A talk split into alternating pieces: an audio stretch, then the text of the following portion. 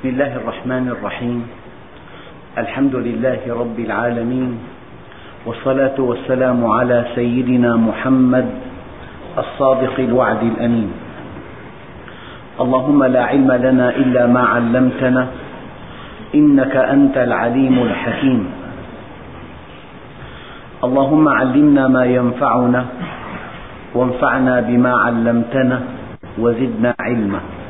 وأرنا الحق حقا وارزقنا اتباعه وأرنا الباطل باطلا وارزقنا اجتنابه. واجعلنا ممن يستمعون القول فيتبعون أحسنه وأدخلنا برحمتك في عبادك الصالحين. أيها الإخوة الكرام مع الدرس الواحد والثلاثين من دروس سورة الأنعام ومع الآية الواحدة والتسعين وهي قوله تعالى وما قدروا الله حق قدره. إذ قالوا ما أنزل الله على بشر من شيء. قل من أنزل الكتاب الذي جاء به موسى؟ نورا وهدى للناس تجعلونه قراطيس تبدونها وتخفون كثيرا. وعلمتم ما لم تعلموا أنتم ولا آباؤكم. قل الله ثم ذرهم في خوضهم يلعبون. أيها الإخوة الكرام النقطة الأولى في هذه الآية أنه لا يكفي أن تؤمن بالله. ينبغي أن تؤمن بالله العظيم لأن إبليس آمن بالله ولأن المنافق يذكر الله. حينما قال الله عز وجل يا أيها الذين آمنوا اذكروا الله ذكرا كثيرا. الأمر ينصب على الذكر الكثير. وحينما قال الله عز وجل إنه كان لا يؤمن بالله العظيم الأمر ينصب على العظيم. لذلك أنت حينما تنكر أن يرسل الله رسولا ليرشد العباد إلى طريق سلامتهم وسعادتهم أنت حينئذ لا تقدر الله حق قدره. أنت لا تقبل من أب عادي. يرى ابنه متجها إلى المدفأة ولا يتكلم ولا بكلمة ولا يتحرك ولا يشير. أنت حينما تتوهم أن الله خلق الكون وكفى ولم يرسل رسولا أو أن هذا الذي يقول كلاما لا جدوى منه. الناس خلقوا هكذا. بعضهم للجنة وبعضهم للنار.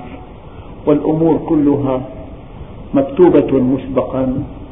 ولا دخل للإنسان في تغيير مصيره. وانتهى كل شيء. أنت بهذا لا تعرف الله. وما قدر الله حق قدره. إذا المعنى المخالف ينبغي أن نقدر الله حق قدره. لذلك ليلة القدر خير من ألف شهر. لو أنك عبدت الله ثمانين عاما والثمانون عام تساوي ألف شهر. ثمانون عام تعبد الله ولا تقدره. في ليلة واحدة تقدر الله حق قدره. هذه الليلة خير لك من ألف شهر. لذلك هذا الفرق بين العالم والعابد. العابد مقاومته هشة. أقل ضغط يخرجه من استقامته وأقل إغراء يخرجه من استقامته.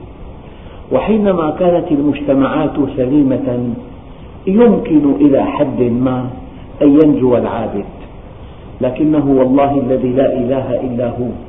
في هذا الزمان زمن الشبهات زمن الشهوات زمن الضلالات زمن التفلت زمن أن النساء في الطريق كاسيات عاريات زمن أن معظم كسب الناس يشوبه الربا.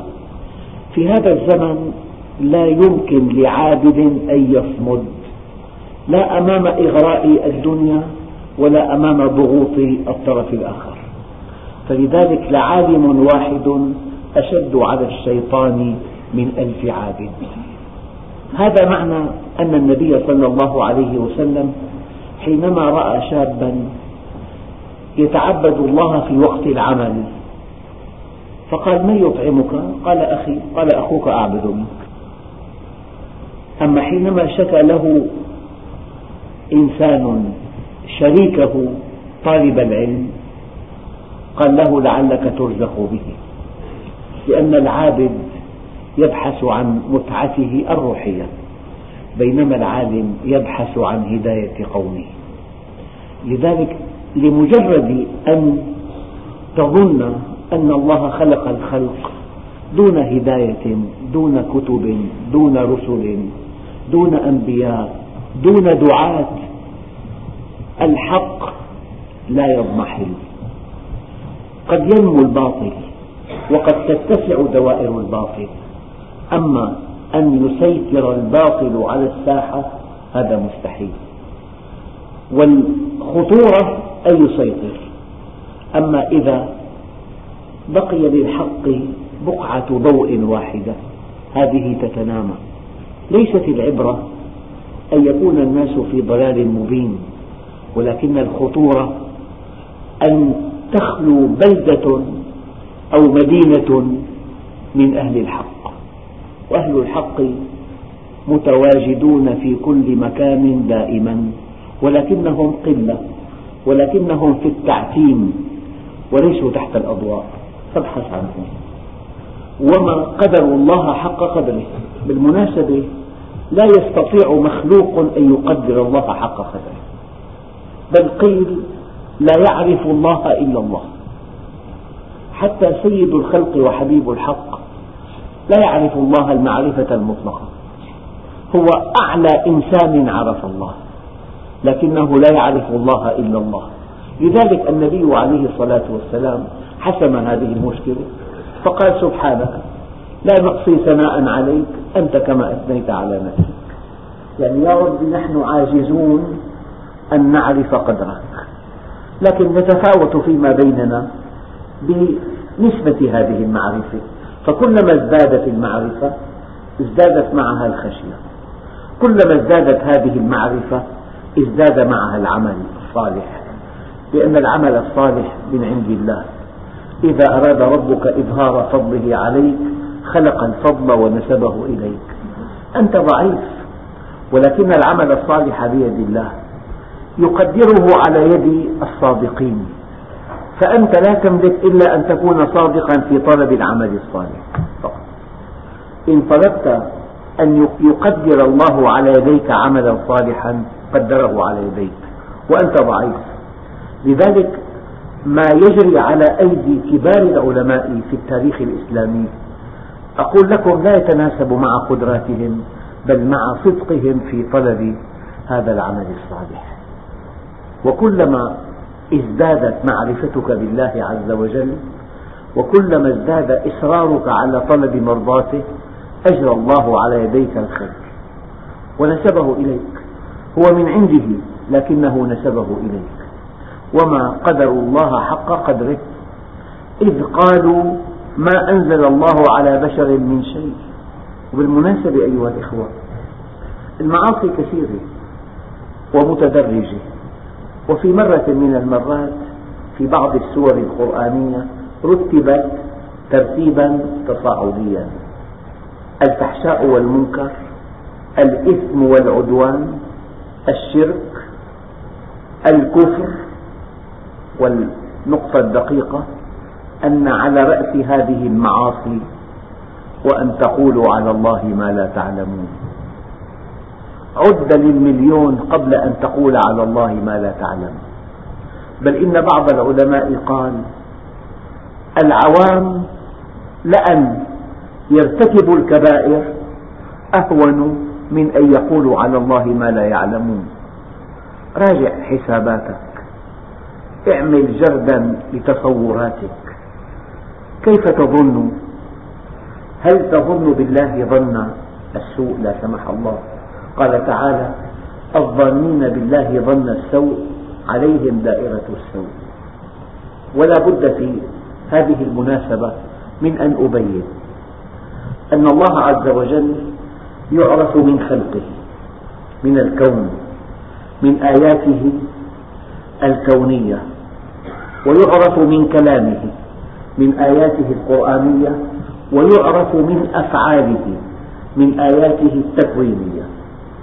لكن إن كانت معرفتك بآياته الكونية ضعيفة وإن كانت معرفتك بآياته القرآنية ضعيفة وبدأت بآياته التكوينية هذا حقل كله ألغام لأنك تقع في حيرة كبيرة ترى شعوبا ناعمة البال غنية بيدها مقادير أهل الأرض.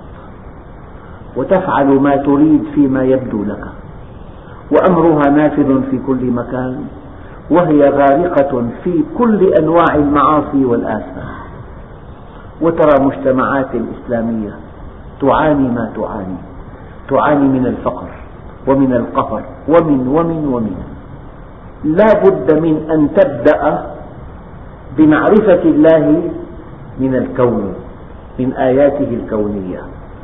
فكل ما في الكون ينطق بأسماء الله الحسنى وصفاته الفضلى. ثم لا بد بعدها من أن تنتقل إلى آياته القرآنية. فكل القرآن يعرف بالله عز وجل.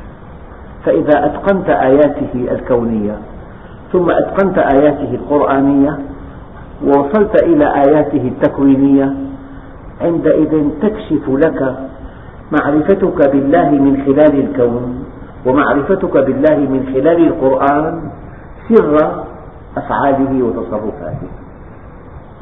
للتوضيح أنت في مسجد وفي عدد محدود من الأشخاص وعلى بعض المساجد معطف. وإنسان جالس قريب من هذا المعطف التفت وراءه ثم قام إلى المعطف ومد يده إلى جيب المعطف وأخذ عشر ليرات وضعها في جيبه. لو أن إنسانا صوره. هذه الصورة عن ماذا تنبئ يعني إنسان دنيء أراد أن يسرق عشر ليرات من معطف معلق على مسجب في المسجد. لو جاء من يقول لك إن هذا الإنسان الذي قام ومد يده إلى جيب هذا المعطف وأخذ عشر ليرات هو الذي بنى المسجد. وقد كلفه بناؤه سبعة وثلاثين مليون ليرة. وأن سائلا طلب منه صدقة فالتفت فوجده فقام إلى معطفه وأخذ العشر ليرات. اختلف الوضع. اختلف اختلاف كبير جدا. أنت حينما تقرأ القرآن وتقرأ قوله تعالى فلما نسوا ما ذكروا به فتحنا عليهم أبواب كل شيء. واضحة الآية. أبواب كل شيء. أموال. على بلاد جميلة. على نساء جميلة. على إعلام. على أسلحة دمار شامل. على سيطرة على قبضة من حديد. الله عز وجل شاء لهم ذلك. لكن هذه الدنيا محدودة. والعبرة للآخرة قال تعالى والعاقبة للمتقين. وقال تعالى إن فرعون علا في الأرض وجعل أهلها شيعا يستضعف طائفة منهم يذبح أبناءهم ويستحيي نساءهم إنه كان من المفسدين. ونريد أن نمن على الذين استضعفوا في الأرض. ونجعلهم أئمة. ونجعلهم الوارثين. ونمكن لهم في الأرض. ونري فرعون وهامان وجنودهما منهم ما كانوا يحذرون. الله عز وجل بين لنا في القرآن الكريم عن أصحاب الأخدود. لقد أثنى عليهم مع أن الملك أحرقهم. بمقاييس أهل الأرض لم ينتصروا. ما انتصروا. أحرقوا. وماشطة بنت فرعون ألقى أولادها الخمسة في الزيت المغلي ثم ألقاها. ولم تنتصر. لكن هذا هو النصر. أنها ثبتت على عقيدتها ولها الجنة إلى أبد الآبدين. أما الذي ألقى أولادها وألقاها في الزيت المغلي قال تعالى النار يعرضون عليها غدوا وعشيا من ستة آلاف عام وكل عام 365 يوم. النار يعرضون عليها غدوا وعشيا ويوم تقوم الساعة أدخلوا آل فرعون أشد العذاب. لا يمكن أيها الأخ أن تفلح. إن أردت أن توازن بين إنسانين بين بلدين بين شركتين بين مشروعين بين فئتين إلا أن تدخل الآخرة في حساباتك. يعني مطعم لا يستطيع بيع الخمر لأنه مؤمن بالله. إذا لا يستطيع أن يكون من نوع الخمس نجوم أبدا. مطعم. دخله محدود يغطي مصروف صاحبه. ومطعم أحيانا دخل اليومي مليون ليرة لكنه يبيع الخمر. فإن نظرت إلى الدنيا فرق كبير وبون شاسع بين المطعمين وبين الدخلين وبين الأموال المتدفقة على المطعم الثاني.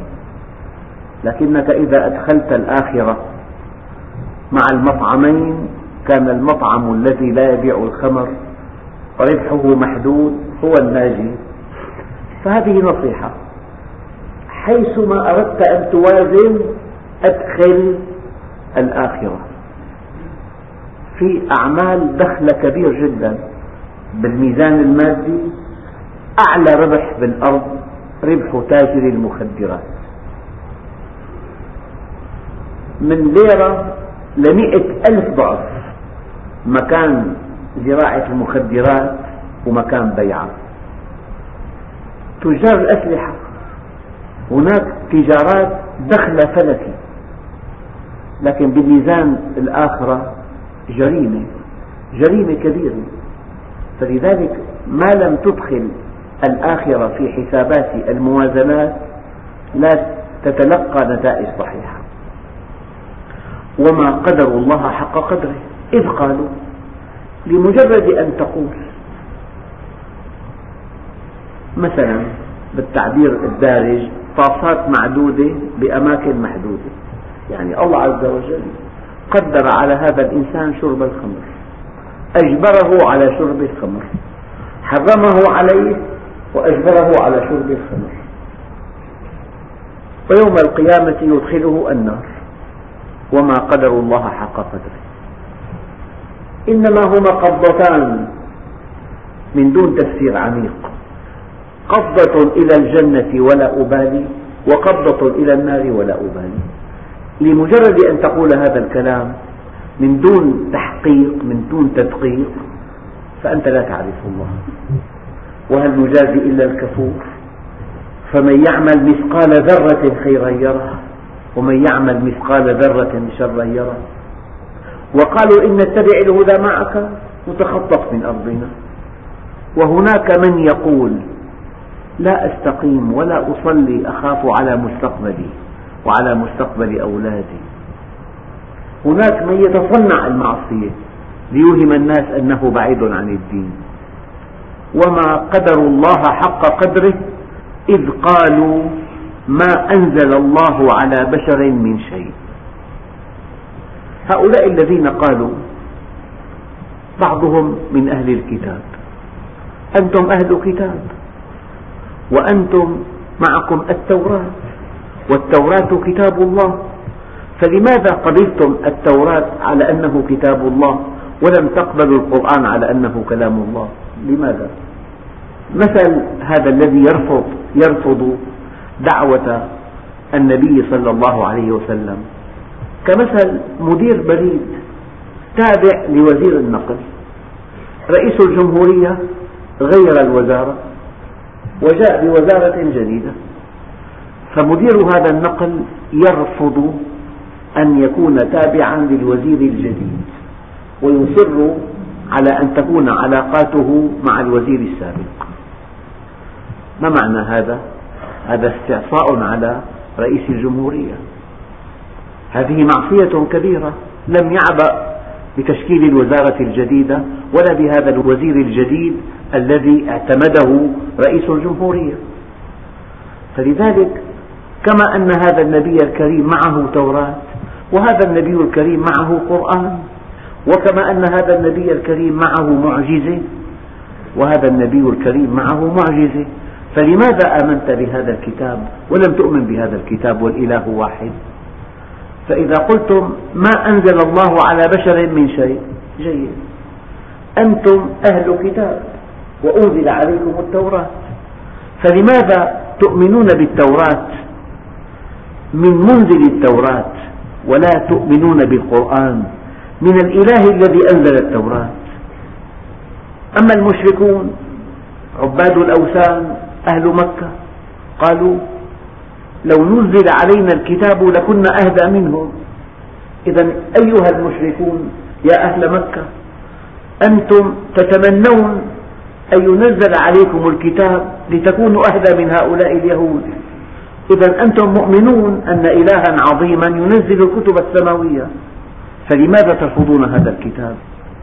الحجة للمؤمنين. لا يمكن أن يكون مع الشارد عن الله حجة. قل من أنزل الكتاب الذي جاء به موسى نورا وهدى للناس؟ يعني أحيانا أنت تقرأ نص تهتدي إلى حل هذه المشكلة. هذا هدى. لكن أحيانا يلقي الله في قلبك نورا يكشف لك الحقيقة. ففي هدى بياني كلام طريق السلامة طريق السعادة طريق السعادة الزوجية طريق النجاح في التجارة طريق السلامة العامة طريق العلاقات الاجتماعية الناجحة. الله عز وجل في القرآن والسنة في القرآن كلامه وفي السنة بيان رسوله المعصوم بين الهدى. أما النور يا أيها الذين آمنوا اتقوا الله وآمنوا برسوله. يؤتكم كفلين من رحمته ويجعل لكم نورا تمشون به. قل من أنزل الكتاب الذي جاء به موسى نورا وهدى للناس؟ تجعلونه قراطيس لا بد من شرح هذه الفكرة. أحيانا دفتر مجلد تجليد تقليدي. الأوراق ثابتة فيه. ثابتة ومسلسلة. لكن أحيانا في دفاتر فيها نابض والأوراق تضاف وتحذف. بإمكانك أن تحذف ورقة أو أن تضيف ورقة.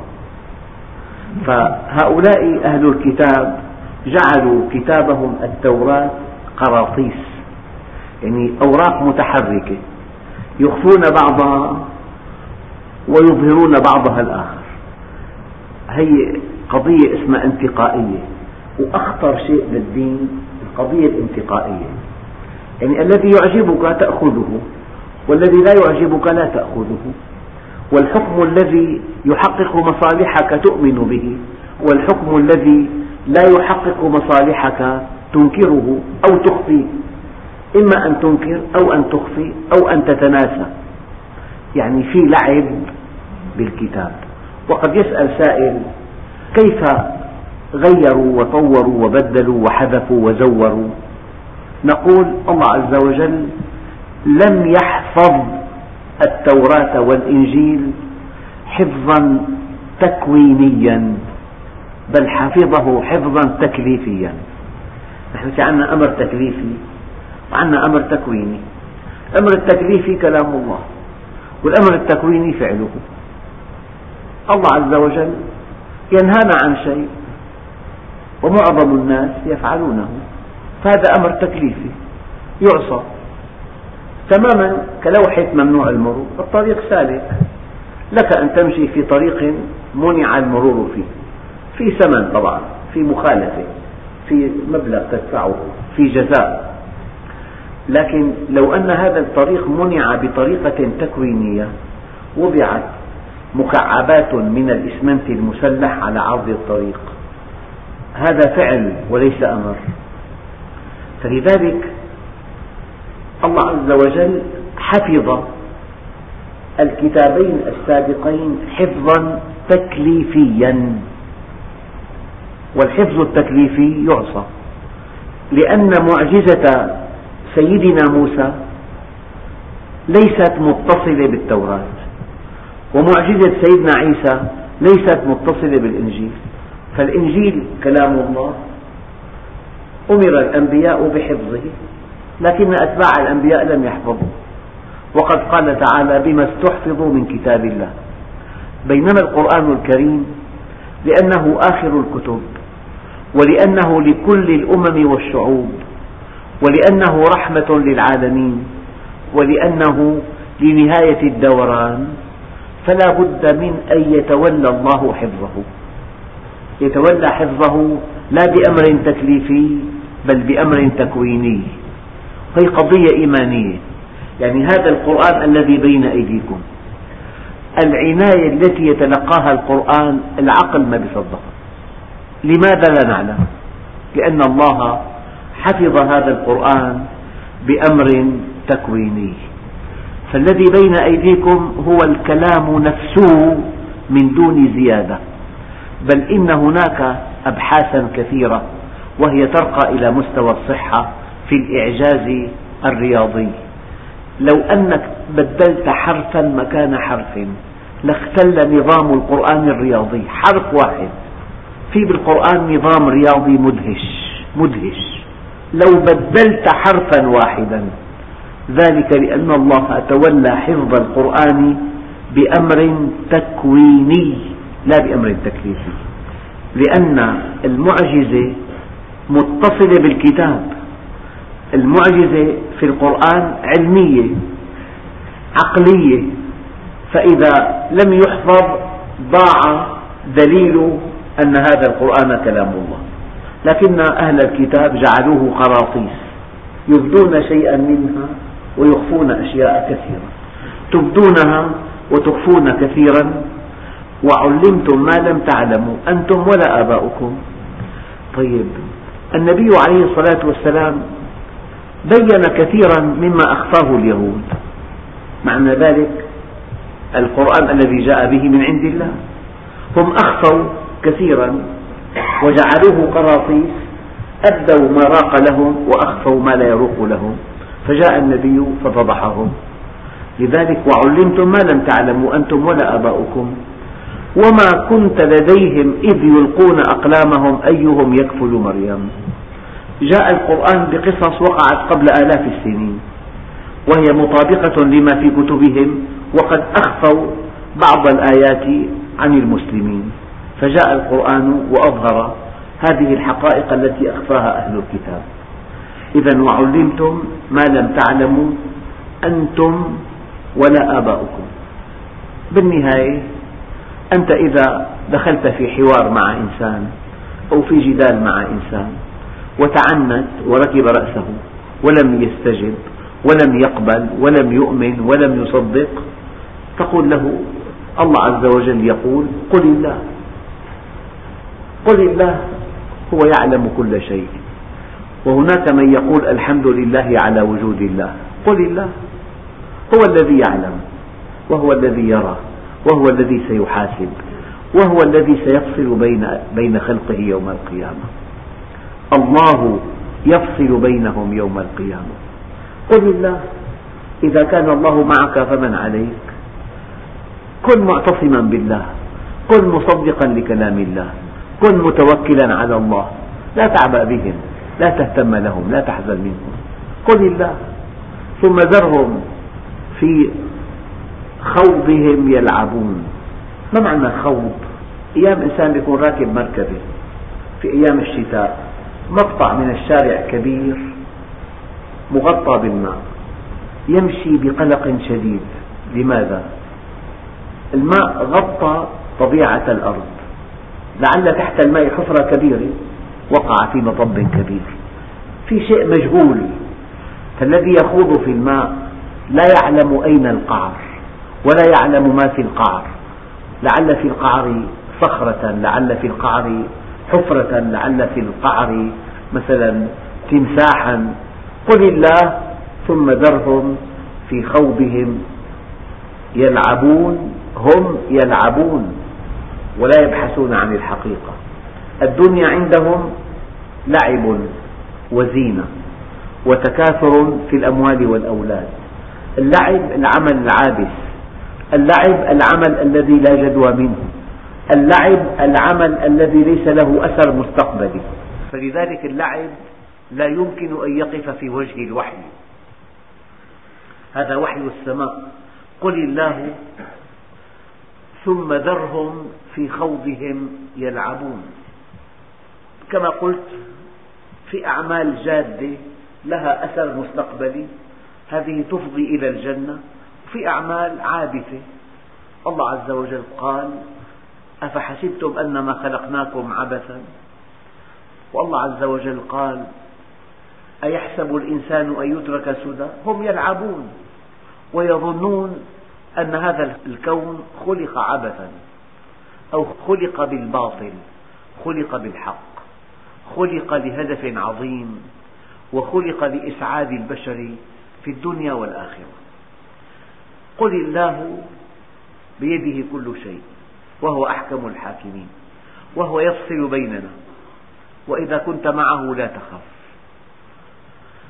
ثم ذرهم في خوضهم يلعبون وهذا كتاب أنزلناه مبارك مصدق الذي بين يديه ولتنذر أم القرى ومن حولها والذين يؤمنون بالآخرة يؤمنون به وهم على صلاتهم يحافظون.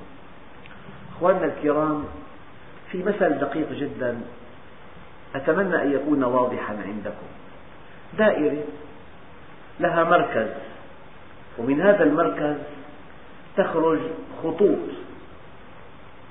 كثيرة جدا إلى المحيط. الخطوط كالأشعة. فإذا كان أحدنا على أحد هذه الخطوط كلما اقترب من المركز ضاقت المسافة بينه وبين الخط الآخر. كلما ازداد قربا من المركز المسافة قلت لأنه من هذا المركز تنطلق خطوط نحو المحيط. الخطوط بهذا الشكل. هنا المركز والخطوط تنطلق هنا. فإذا كنت هنا المسافة هذا إذا كنت هنا مسافة أكبر. فكلما اقتربت من المركز قلت المسافة. فإذا وصلت إلى المركز انعدمت المسافة. يعني نحن لا نتحد ولا نتوافق ولا يصدق بعضنا بعضا إلا إذا كنا جميعا في مركز الدائرة. أما إذا كنا على خطوط كلما قلت المسافة بينك وبين المركز قلت بينك وبين الخط الآخر. فنحن متى نتعاون؟ متى نتحد؟ إذا كنا على الحق جميعا. لذلك قال تعالى فنسوا حظا مما ذكروا به فأغرينا بينهم العداوة والبغضاء إلى يوم القيامة. وهذا كتاب أنزلناه مبارك فيه الخير الكثير.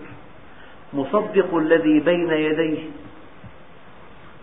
يصدق ما في التوراة والإنجيل لأن المصدر واحد من عند الله لأن هذه الكتب الثلاث من مشكاة واحدة من عند الله. ولتنذر أم القرى ومن حولها. يعني أم القرى مكة ومن حولها. والذين يؤمنون بالآخرة يؤمنون به. الذي يسعى إلى الآخرة يؤمن بهذا الكتاب. أما الذي يسعى إلى الدنيا قضية دقيقة جدا. الإنسان أحيانا يكون على كتاب نسخ بكتاب جديد لكن مصالحه مع الكتاب السابق. لو أنه دخل في هذا الدين تعطلت مصالحه التي كان بها. فلذلك إن آمنت بالآخرة تؤمن بالقرآن أما إن آمنت بمصالحك في الدنيا طبعا لا تؤمن. وهذه مشكلة المشكلات يعني إنسان أيام يكون متمكن وقد حصل على مكتسبات كثيرة من كتاب نسخ بكتاب جديد. فعدم إيمانه بالكتاب الجديد لا لأنه ليس قانعا به ولكن لأنه يحافظ على مكاسبه. آمن بالدنيا فحافظ على مكاسبه. ولو آمن بالآخرة لآمن بالكتاب الجديد. وهم على صلاتهم يحافظون والحمد لله رب العالمين.